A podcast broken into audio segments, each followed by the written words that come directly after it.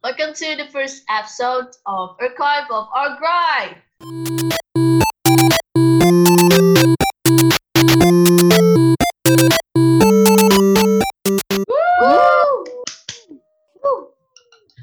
Oke, gimana nih kabarnya kalian? Udah berbulan-bulan nih kita nggak bisa ketemu kan. Nah, gimana nih kabarnya sekarang? Alhamdulillah, luar biasa. Alhamdulillah. Kalau Diam di rumah, tiduran, kayaknya- nonton TV. Gue kayaknya udah muak deh di rumah. Tapi for our goods, jadi kita harus stay di rumah, bener nggak? Bener banget. Of course, bener of banget. course. ya, emang sih udah berbulan-bulan ya. Tapi kalau misalnya kita nggak nurut ya nanti malah makin lama ya nggak? Nah, benar banget. Kondisi di rumah kalian gimana? Aman nggak? Ah, Alhamdulillah puji sih. Tuhan ya, aman aman. Iya, ya. Santai. Malah- daerah sini. Malah sempet kayak ada penutupan jalan gitu di rumah gue Mm-mm, sama. beberapa waktu. Daerah rumah gue tuh kayak the busiest street in Bandung. Cuuu. Ya. Oh, bener. Tapi bener banget. kayak sepi banget namanya sepi, sepi banget. Oh iya, sepi di sana? Jalanannya sepi. Wow, Kapan bayangin. Kapan lagi? sebuah jalan sepi.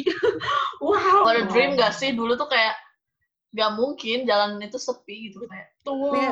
Tapi ya, tapi ya sayangnya gitu sepinya karena kita menghadapi situasi yang cukup serius ya. Iya sih, sedih. Terus selama di rumah kan, kita pasti jadi kuliah di rumah nggak sih? Kita kuliah di rumah dari tanggal berapa sih? Dari, Dari Maret gak sih? Maret, gue gue Maret. inget gue inget tanggal pastinya tanggal 16 Maret kita diliburin karena gue baru pulang ke rumah tanggal 16 Maret dan gue inget banget itu kita langsung diliburin Ah, banget ah tuh. iya iya iya benar-benar. kayak did not expect that gitu kan. Iya itu kayak out of nowhere kayak kita lagi lagi menjalani kuliah seperti biasa tiba-tiba kita ternyata Dan harus- baru lagi kita kan baru baru baru masuk gitu kan, baru sebulan masuk. bulan Iya iya kayak baru baru empat pertemuan gitu nggak sih? Iya kan? terus tiba-tiba kita disuruh libur dua minggu yang oh oke dua minggu nanti dua minggu lagi balik gitu nggak sih Iya, iya. iya tiba-tiba jeng jeng sampai akhir semester iya ini udah uas aja sekarang. kayak Iya.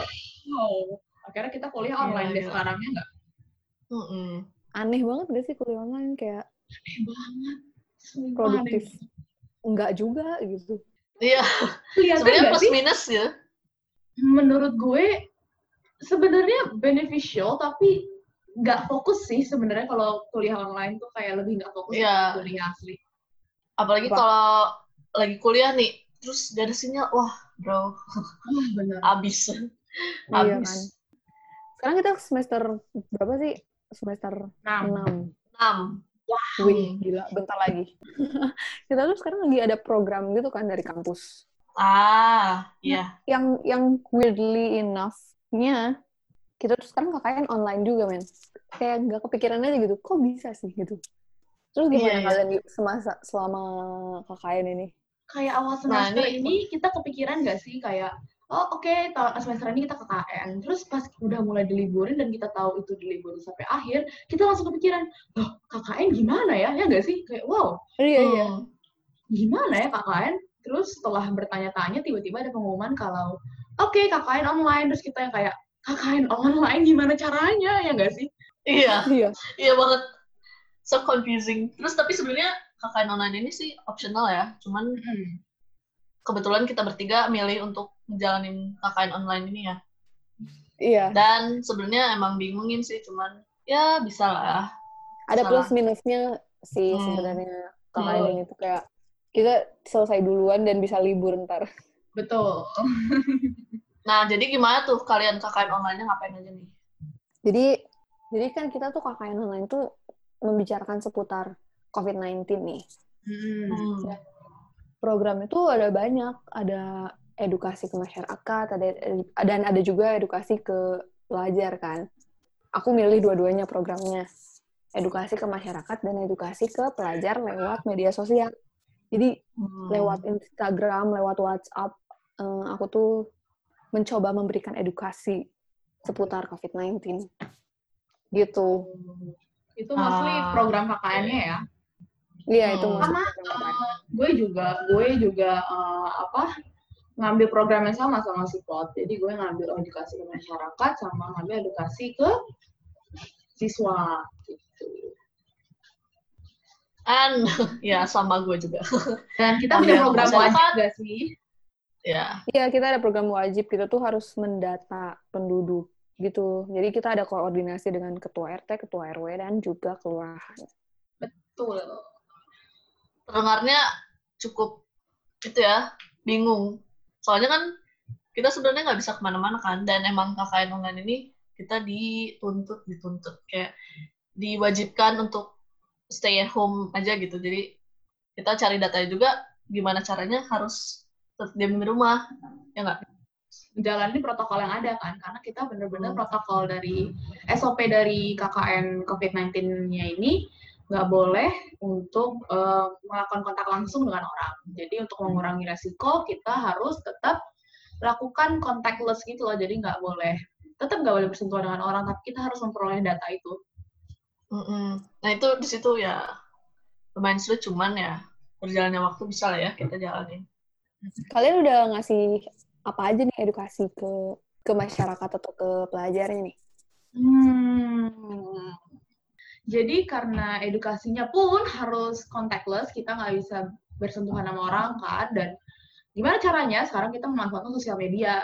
Jadi kayak lewat Instagram, lewat WhatsApp, lewat Zoom, bener nggak? Jadi iya. kayak. Misalnya nih kalau gue pribadi gue kayak bikin poster yang isinya kayak informasi-informasi tentang COVID-19, gimana cara pencegahannya, terus kita share ke Instagram, kita share ke grup WhatsApp yang isinya anak-anak murid gitu. Jadi kita lebih edukasi lewat sosial media sih karena mengurangi si uh, kontak langsungnya itu. Hmm, ya, betul, betul banget. Kalian mau mau coba share nggak konten yang udah pernah kalian kasih gitu untuk masyarakatnya hmm, atau sebenarnya untuk sekolah? Gue nge, nge ngasih ngasih info tentang new normal sih.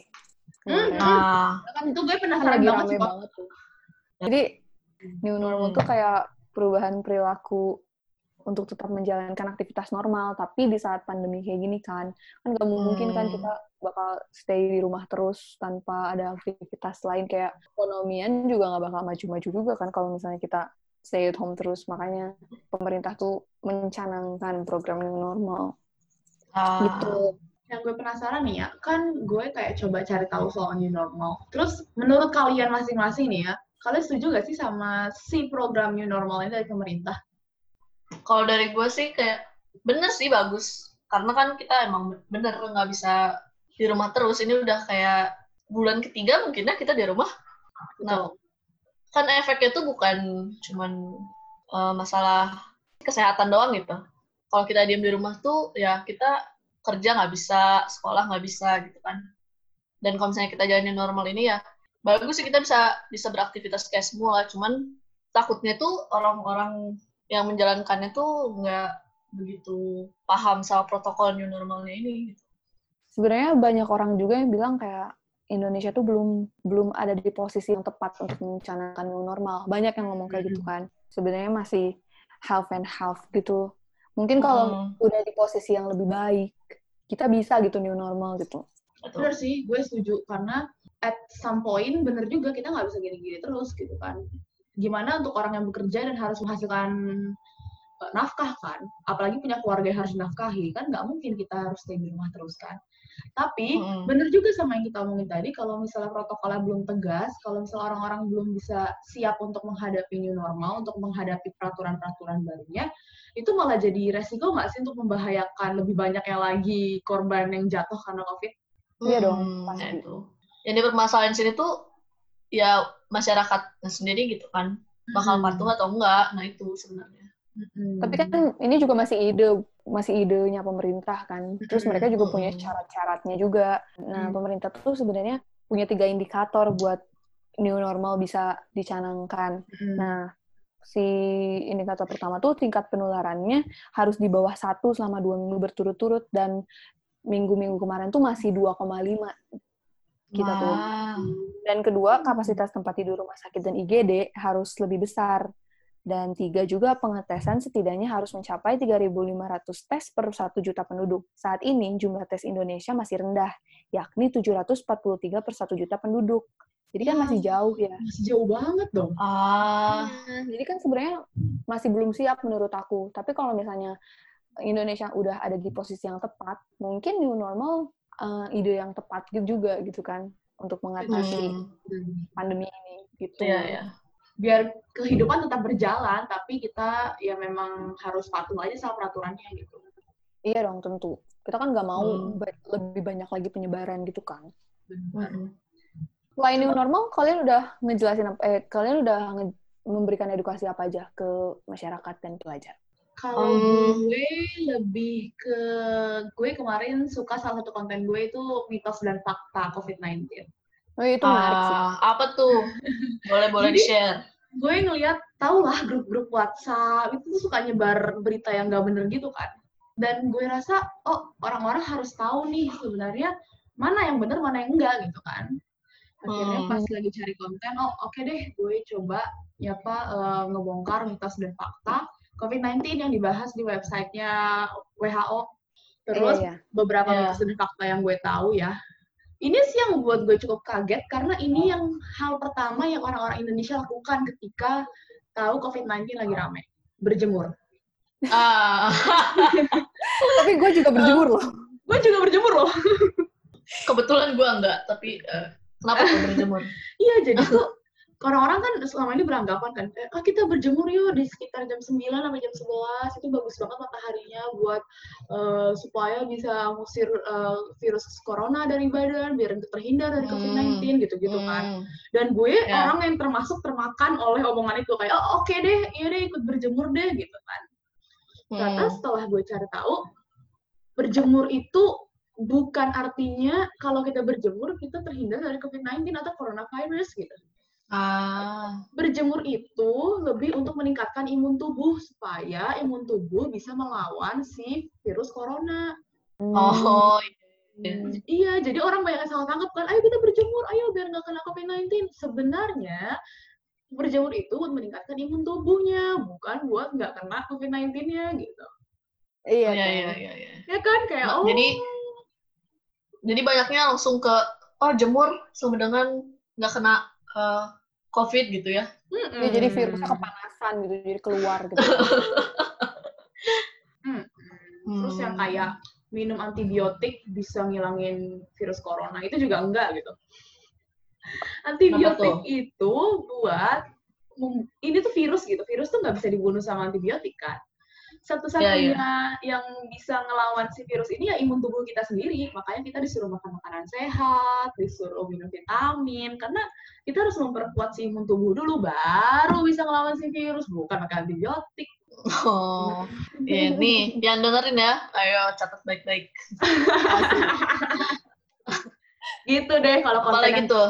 konten yang gue bahas sih soal mitos dan fakta gitu dan itu menurut gue menarik karena ya biar orang lebih tahu aja sih supaya ada ada Menarik sih. juga, gitu. Hmm. Menarik buat gue kasih ke orang tua gue yang kadang suka percaya percaya aja gitu sama yang di grup WA. bener Iya itu penting banget ya. Jadi inget kan kemarin kayak rumor HP Xiaomi bisa menyebarkan virus corona. Eh iya dong, itu waktu gue baca kayak what's the correlation gitu? Gue gak ngerti That's banget just itu. Itu gue gak ngerti that's banget just sih. plain racism. ya cuy Yeah, that's just, that's just straight out racism right there. Iya. terus ngomongin mitos dan fakta kan gue bikin ini agak sedikit lompat ya kan gue bikin grup sama anak-anak murid gitu kan. Terus eh, kemarin ada anak murid yang ngechat gue gitu nge-PC gitu kan nge-PC. Terus gue bingung dia ngirimin satu artikel tentang COVID-19 terus dia bilang kak ini bener gak ya? Apa hoax? Gitu kan. Terus gue cek kan beritanya. Masa ada yang ngomong gini "Eh, minum eh, air panas dengan lemon setiap malam supaya bisa terhindar dari COVID-19 coba itu artikel macam apa? Mana ada lo, ntar lu lambungnya? Your gripe, your gripe will be dead. ya benar you're right Sebelum Iya, iya, gitu. itu Dan ini- udah menyakiti. ini anak kelas 6 SD yang dapat artikelnya which is anak kelas 6 SD Banget. biasanya kan terima-terima aja informasinya kan terus Iya, iya. gue bilang minum air panas air panas bukan air hangat lagi yang ada tenggorokannya kebakar merah-merah semuanya luka. They gonna burn that, they gonna burn that pang gitu. Iya, kan kasihan. Terus kayak, enggak, enggak, enggak, itu hoax, itu hoax. Dan gue appreciate sih, kayak appreciate banget anaknya tuh berani nanya gitu, ini hoax apa Iya, enggak, iya, kayak Iya, iya. kritis kan, oh ini bener enggak, gitu. Banyak Hmm, banget oke, hoax yang beredar, banyak banget, dan yang kayak, oh it has to be stopped gitu loh, yang kayak, aduh, bisa bahaya buat orang lain gitu. Iya. Emang bener banyak banget. Coba Mar, kalau Nah, kalau- lo bahas apa? Hmm, salah satu konten yang pernah gue share sih, kan kayak tadi yang udah gue bilang ya, kan kita udah lama banget nih, karantin udah berbulan-bulan gitu kan. Nah, gue mikir bisa kena mental juga gitu kan efeknya. Makanya gue kayak coba share cara-cara untuk stay positif gitu selama karantin. Wait. Hmm, nice, Ya. apa aja tuh? Sebenarnya nih, gue bikin gini juga buat diri gue sendiri sebenarnya. eh tapi itu penting loh itu salah satu hal yang penting karena kalau nggak Iya. kalau di dalam nggak di dalamnya aja nggak sehat kita nggak bisa ngerawat luarnya gitu Wih, Eh, bener gila. banget. bener banget. coba coba tips Nah. apa aja yang lo sebar Healthy inside, fresh outside gitu kan. wow that's Oh. true Ini bukan iklan ya teman-teman. Eh, ini bukan iklan, maaf ya. Um, gue cuman share sedikit sih, kayak cuman lima gitu. Terus kayak yang pertama tuh gue bilang, kita harus gunain waktu kita untuk self-care. Man, that's the first true, thing I said in the poster gitu. true. Kayak, use your time to self-care. Self-care tuh penting banget, apalagi kan di masa sekarang itu penting banget. Dan saran yang gue tulis waktu itu, eh, caranya kayak bisa pakai meditasi gitu loh. Hmm. Emang nggak banyak sih orang yang meditasi, cuman kenapa kita nggak coba aja gitu kan? Yang belum Hmm. pernah coba. betul betul betul betul Soalnya meditasi tuh bisa membantu kita kayak mengurangi rasa stres gitu, anxiety, mengurangi rasa panik. Yang mana itu kan pasti yang lagi kita rasain sekarang nggak sih? Iya banget. banget Nah, gitu. Terus, nah kan selama karantin ini sebenarnya nggak semua orang kena efek di perekonomiannya nggak sih? Ya nggak, nggak semua kan. Ada some of us yang masih beruntung gitu. Perekonomiannya Iya. masih bisa jalan gitu kan. Nah, tapi ada juga yang kayak small businesses gitu, yang kayak small stores gitu kan, kayak sulit untuk melanjutkan gitu nggak sih? Iya. Nah, gue Iya. kayak kasih saran gitu, kayak bagi kita yang bisa gitu. Kita bantu mereka gitu, kayak mungkin eh, kalau misalnya itu restoran kayak order Mm, mm. their their food gitu kayak take away gitu secara online kan bisa kayak gitu Iya. itu kan sebenarnya udah ngebantu banget gitu kan di masa kayak Iya. gini Help small businesses, right? Iya, help small businesses Lagian kita diuntungkan terus- kok dengan kayak gitu ya nggak sih? Kayak oh kita, Iya. kita dapat makanan tapi kita juga membantu mereka gitu. iya Iya, kita nggak perlu keluar kan Mm-mm. karena kita pesennya online gitu dan mereka juga terbantu karena kita pesen dari mereka gitu Dan plus kita Kayak- bisa ngebantu pihak eh, yang nganterin pihak apa online delivery gitu kan, mereka bisa terbantu. Iya. kan? win-win solution gitu kan jadi Hmm. sebenarnya terus kayak kita juga harus banget ini emang kayak spread love and kindness oh my god. I mean kayak a small note of appreciation gitu True. Of course, of penting gitu course. apalagi man those essential workers out there gitu Hmm. doctors gitu frontliners or kayak atau simply your security guard gitu True. kayak a simple thank you could mean so much gitu kan Mm-mm. Yes.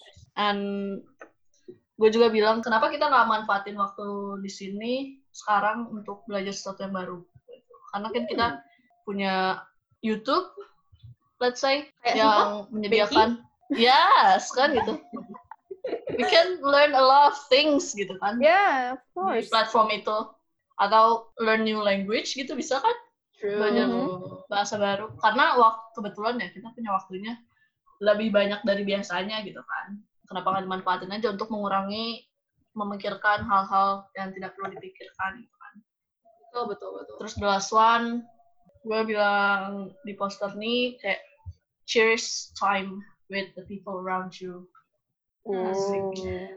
terutama sama orang-orang yang lagi sama lu saat karantin ini di rumah gitu. kayak keluarga atau kalau lagi cuman sama peliharaan lu misalnya Mm-mm. atau lagi sama temen-temen lu atau siapa pun yang ada di sekitar gitu kan cherish it gitu terus kayak sekedar selalu saling sapa gitu kan sadar gak sih kayak kadang kita tuh melupakan melupakan orang paling terdekat sih Oh, Oh my god. deep. kayak saking deketnya kita lupa gitu kan Iya, iya. Iya, iya. it, it is a time to you know It's time to untuk- appreciate little things that we don't we don't yes exactly we don't exactly. really care at first. hmm yang we take it for granted gitu kan Yeah, we're taking for granted.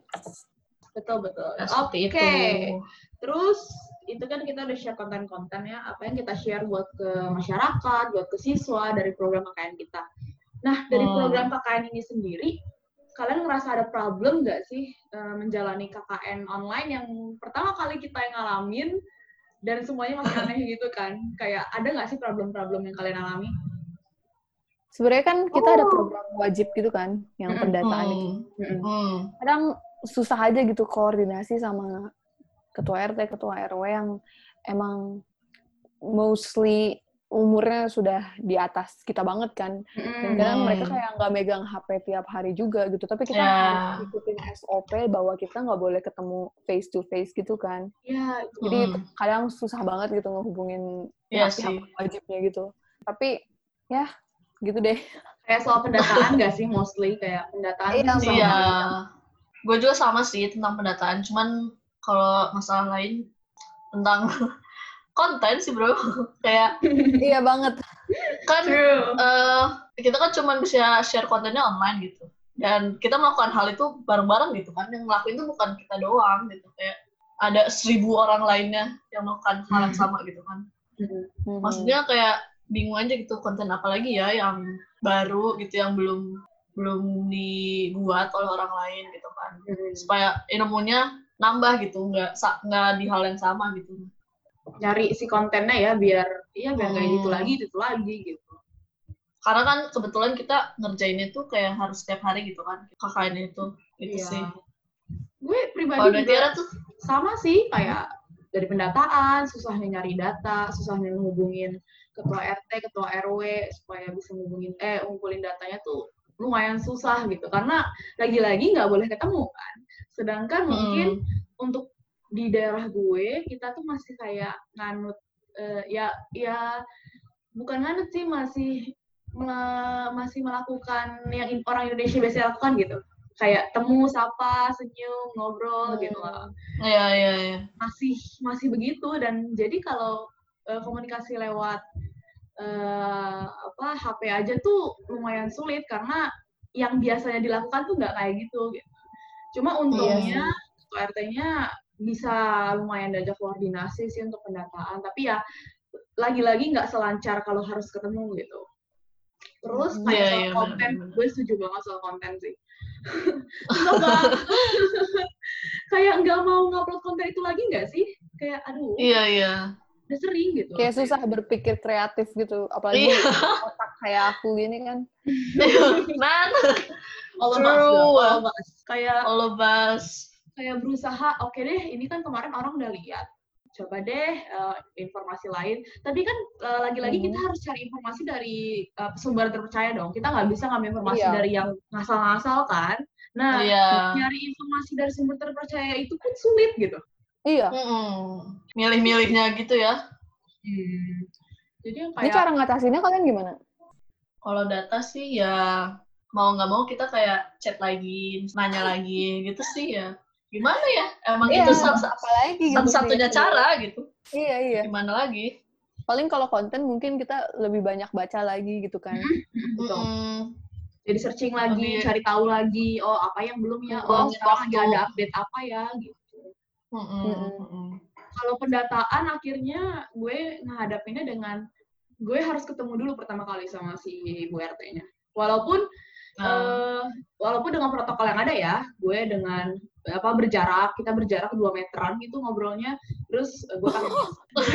seriously, seriously, gue kayak berjarak dua oke. meter gitu, terus gue pakai masker, terus kita ngomongnya juga ibunya juga pakai masker, jadi kita benar-benar menaati protokol, tapi bisa sambil ngobrol gitu karena kalau nggak kayak gitu pendataan nggak akan jalan kan? Tapi itu untuk di pertama Iya, doang sih. Setelah itu habis itu pakai WhatsApp kita uh, komunikasinya gitu. Dan sebenarnya ya emang gitu sih sulit maksudnya. Data tuh kan eh, penting ya maksudnya Hmm. isi isi data tuh bukan nama doang gitu. Dan apalagi banyak banget. Nah itu itulah. Kalian ada Kayak- berapa kakak? Kalian ada berapa kakak di RT kalian? Ada RT 6 61 ya kayaknya. Wow. Aku sampai 70-an. gue That's a terdekat lot. eh gue terdikit kali ya. Gue cuma 44 Wow. Ah, but still though tapi itu pun 44 banyak kalau, banget kalau tidak sumpah- berkontribusi ya Tapi sumpah I sulit. didn't realize that that my area is there's a lot of people in my area gitu kayak right tuh kayak, right oh my god ternyata banyak banget gitu. iya iya Tapi- benar-benar Tapi area di Bener. area sekitar rumah aku tuh kayak yang bener-bener banyak keluarga banyak yang satu keluarga gitu makanya sebenarnya mereka sekeluarga tapi pisah-pisah kakak gitu loh. Sih? ah, Iya, iya. ah. di gue juga Iya, ada iya, banyak gitu. banget yang sekeluarga tuh cuman kaget aja gitu Ah. kayak wow Iya, there's iya. a lot. But itu kayak kayak salah satu manfaat dari KKN ini gak sih? benar iya, benar salah satu manfaatnya tuh bisa kenal sama tetangga, terus deket Hmm. sama Bu RT, sumpah. Ih, Ini aku asli. sama Bu RT bestie banget, sumpah. bener banget dong man, ini gue kayak udah jadi CS gitu sama pas sekretaris RT sumpah. Iya kan, kayak, ah benar benar kayak Jadi. Ya emang jadi silaturahmi sih benar. Gue akui, gue selama tinggal di sini eh, tidak berkomunikasi dengan baik ya sama tetangga. Sama banget. kayak kayak gue main sama teman sendiri aja terakhir tuh waktu masih SD kali. Hmm, Ya, sama You sih. know? Keluarga, keluarga aku tuh kayak yang bener-bener secluded, not really secluded, tapi kayak yang emang lebih sendiri aja gitu loh daripada Yeah, right. masyarakat yang lain di sekitar gitu. Pas kemarin ngobrol sama Bu RT tuh kayak yang, oh gitu kayak, oh ternyata orang-orang di daerah aku tuh kayak gini ya gitu kayak, oh gitu kayak lebih tahu lagi tetangga-tetangga gitu. Iya. kalau kasus gue gue bersyukur banget. kalau gue sendiri gue pribadi gue memang nggak terlalu dekat sama tetangga maksudnya ya ya gimana ya kalau ketemu sapa tapi kayak yang nggak deket gitu loh. Terus Mhm. Hmm. bersyukurnya orang tua gue ternyata bersosialisasinya lancar dengan tetangga. Jadi gue kayak oh gue dapat benefitnya dari situ loh gue kayak oh untungnya kok, eh, orang tua gue dikenal jadi gue mendapatkan informasinya juga nggak sulit gitu terus gue jadi mikir oh Hmm. berarti gue memang harus dekat sama tetangga kalau enggak Iya sih. Iya, bener. banget. Benar. Sebenarnya di sini bikin gue sadar sosial sosialisasi penting Iya gitu, banget. kayak pentingnya memiliki hubungan yang baik dengan tetangga itu kayak Iya. oh asli Benar benar benar. Karena gue gue pernah baca deh, pernah baca apa pernah dengar gitu. Selain keluarga yang bisa bantuin kita ya tetangga. Iya benar. Bener. Selain pendataan, manfaat lain yang bisa gue tangkap dari KKN ini tuh ya tentang COVID sendiri. Jadi kita tahu gitu apa Hmm, ya ya ya. berita-berita terbaru tentang COVID yang emang kita Iya harus ya benar-benar. eh, sebarin ke masyarakat sekitar kan. Nah itu tuh kayak Hmm. kita lebih tahu, eh, kita jadi lebih tahu gitu karena kita sering baca untuk untuk mempersembahkan konten gitu ya. Iya iya iya. Benar banget. Bener bener. banget. Jadi gara-gara program ini tuh gue jadi lebih baik baca, lebih banyak nyari tahu informasi. Terus gue juga tahu informasi mana yang benar mana yang enggak. Jadi kayak oh ini beneficial gitu loh. Jadi kayak gue bisa ilmu ini tuh gak ke mana-mana gitu. Ilmu ini bisa gue share ke orang lain. Ilmu ini bisa buat diri gue sendiri. Ilmu ini bisa buat teman-teman gue gitu. Buat kita tetap terjaga gitu dari virus ini ya enggak sih? Jadi kayak beneran beneficial nggak sia-sia gitu. Jadi kayak oh iya ilmu ini Iya. bisa dipakai. Iya, iya banget. Dan sebenarnya KKN ini juga jadi itu sih salah satu kegiatan yang bisa gue kerjain tiap hari gitu kan sebelum KKN ini mulai kayak bingung gitu ya hari ini ngapain bakal ngapain ya gitu gitu nggak sih Hmm. Terus Iya. kayak karena ada KKN ini tuh oh iya gue kan punya kegiatan harus dikerjain gitu jadi jadi kayak ya punya punya gue jadi punya daily activity gitu di karantina ini. Bener bener bener bener bener. Kayak gitu Jadi ya- sih. KKN ini unik tapi kayak oh ternyata setelah dilihat tuh banyak manfaatnya juga gitu. Ini KKN ini KKN pertama kan kita online KKN pertama Iya. yang berbasis tidak terjun langsung gitu kan. Tapi oh ya ternyata bisa dijalankan dan ada manfaatnya gitu.